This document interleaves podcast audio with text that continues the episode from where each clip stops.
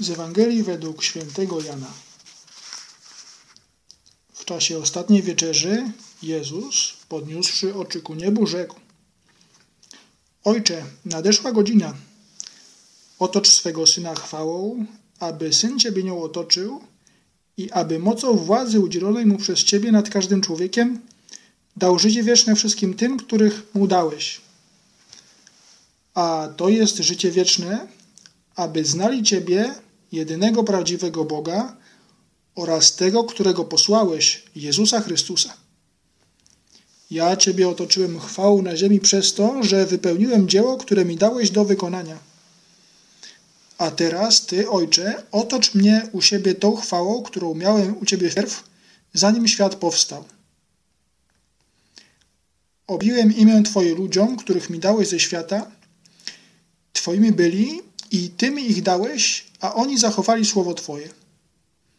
Teraz poznali, że wszystko, cokolwiek mi dałeś, pochodzi od Ciebie.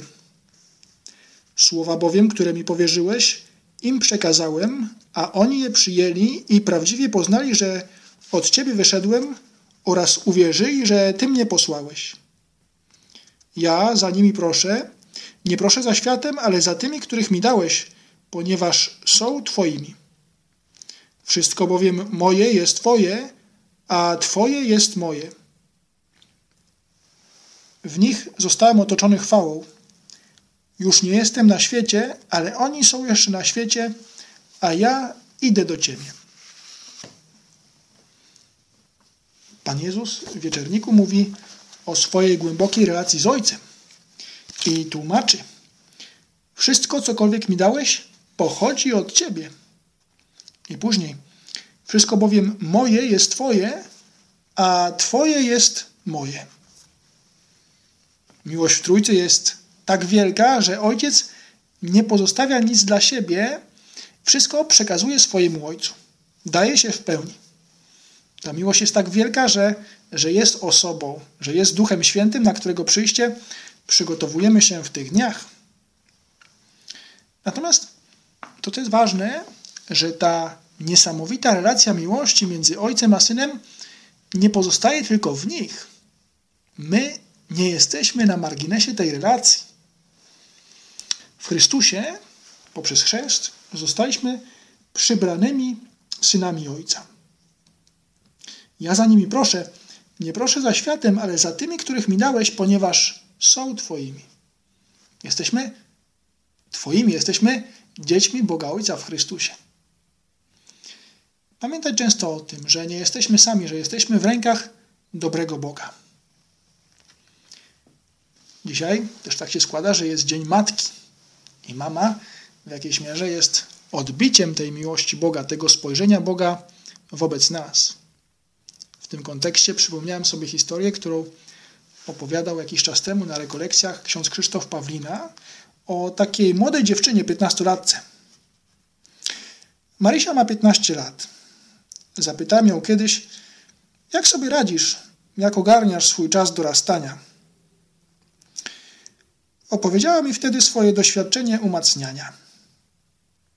Wie ksiądz, mam wspaniałą mamę. Co roku na urodziny mama pisze do mnie list. Daje mi go jako prezent.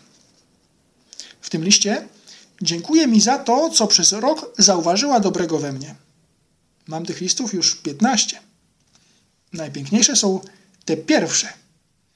Wzruszający jest list z pierwszej rocznicy moich urodzin. Miałam wtedy rok, a mama dziękuję mi. Popłynęły łzy, łzy szczęścia. Kiedy jest ciężko, sięgam po te listy, czytam je. Nabieram siły tym dobrem, które widzi we mnie mama. Chce mi się wtedy żyć. W tym przypadku, tak jak pewnie i w naszym, miłość mamy i szerzej, miłość Boga dodaje nam sił, pozwala czuć się nam bezpiecznym i iść do przodu. Też Ewangelia mówi o tym przyjęciu słowa. Tak? Ta dziewczyna czyta ten list, przyjmuje słowo. I też my przyjmujemy to słowo miłości, które posyła do nas dobry Bóg. Z kolei jakiś czas temu też Prawa Opus Dei Don Fernando, mówił w jednej z homilii, tłumacząc ten temat synostwa Bożego i pytał się, też dobre pytanie dla każdego z nas w kontekście tej Ewangelii. Czy jesteśmy świadomi wolności i zaufania, jakie ofiaruje nam nasze bycie dziećmi Bożymi? Nie otrzymaliście przecież ducha niewoli, by się znowu pogrążyć w bojaźni. Może być tak, że w naszym życiu przychodzą różne lęki, niepokoje. I czasami może być tak, że, że to nas blokuje. Boimy się czegoś i, i zamiast działać, jesteśmy sparaliżowani przez ten lęk. Albo też lęk przed wypłynięciem na wspaniałe morza modlitwy. Mam tyle spraw do załatwienia, kiedy będę rozmawiał czy rozmawiała z Bogiem, to nie starczy mi czasu, aby wszystkiego tego dopilnować. I pomyśl, tak nie jest. Tak nie jest, bo właśnie ta dziewczyna ma czas na czytanie listów i to daje jej siłę i, i zaczyna na nowo z większą mocą. Nie pozwala opanować się lękowi, bojaźni, niepokojowi. I myślę, że, że Pan mówi do nas, tak jak do apostołów, dzisiaj. Proszę za tymi, których mi dałeś, ponieważ są Twoimi. Wraca się do Ojca, ale my to słyszymy. Jesteśmy dziećmi Boga. Jesteśmy Boży. I to oznacza zaufaj najgłębszej prawdzie, że jesteś dzieckiem Boga i nie lękaj się kroczyć przez świat, który czasami, który czasami może się wydawać pełen niebezpieczeństw. Może się zdarzyć, że, że sprawy nie toczą się idealnie, że w pracy projekty upadają, że, że któraś z ukochanych osób odwraca się plecami do Boga, że spotkamy nieprzewidziane trudności. W takich chwilach to, co nam pomaga, to jest dłuższy czas modlitwy, to jest to sięgnięcie do tego słowa, które kieruje do nas Bóg i, i te słowa skierowane do nas przez Pana Jezusa. Nie lękaj się. Jesteś Boży, jesteś Boga. Pan Bóg patrzy na ciebie z miłością.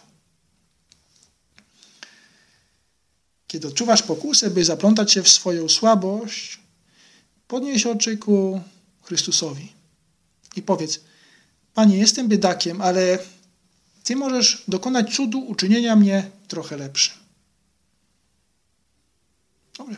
Dzisiaj możemy podziękować naszej mamie, zrobić dla niej coś szczególnego, podziękować za tą miłość i, i odpoczywać w tej miłości, jaką mamy zawsze nas darzą. Ale też właśnie mieć to postanowienie, żeby nigdy nie pozwolić się przygnieść różnym lękom, niepokojom, trudnościom. Kiedy jest nam trudno, kiedy myślimy, że nie potrafimy, kiedy czegoś się lękamy, pomyśleć o modlitwie Pana Jezusa za nas. Pomyśleć o miłości Boga, który jest Ojcem i czuwa nad nami. Pomyśleć o Najświętszej Marii Pannie, naszej Matce, o jej pełnym miłości spojrzeniu wobec nas. I dzięki temu będziemy mieć siły, żeby wypełnić tą misję, jaką Pan Bóg nam pozostawił, krok po kroku, dzień po dniu.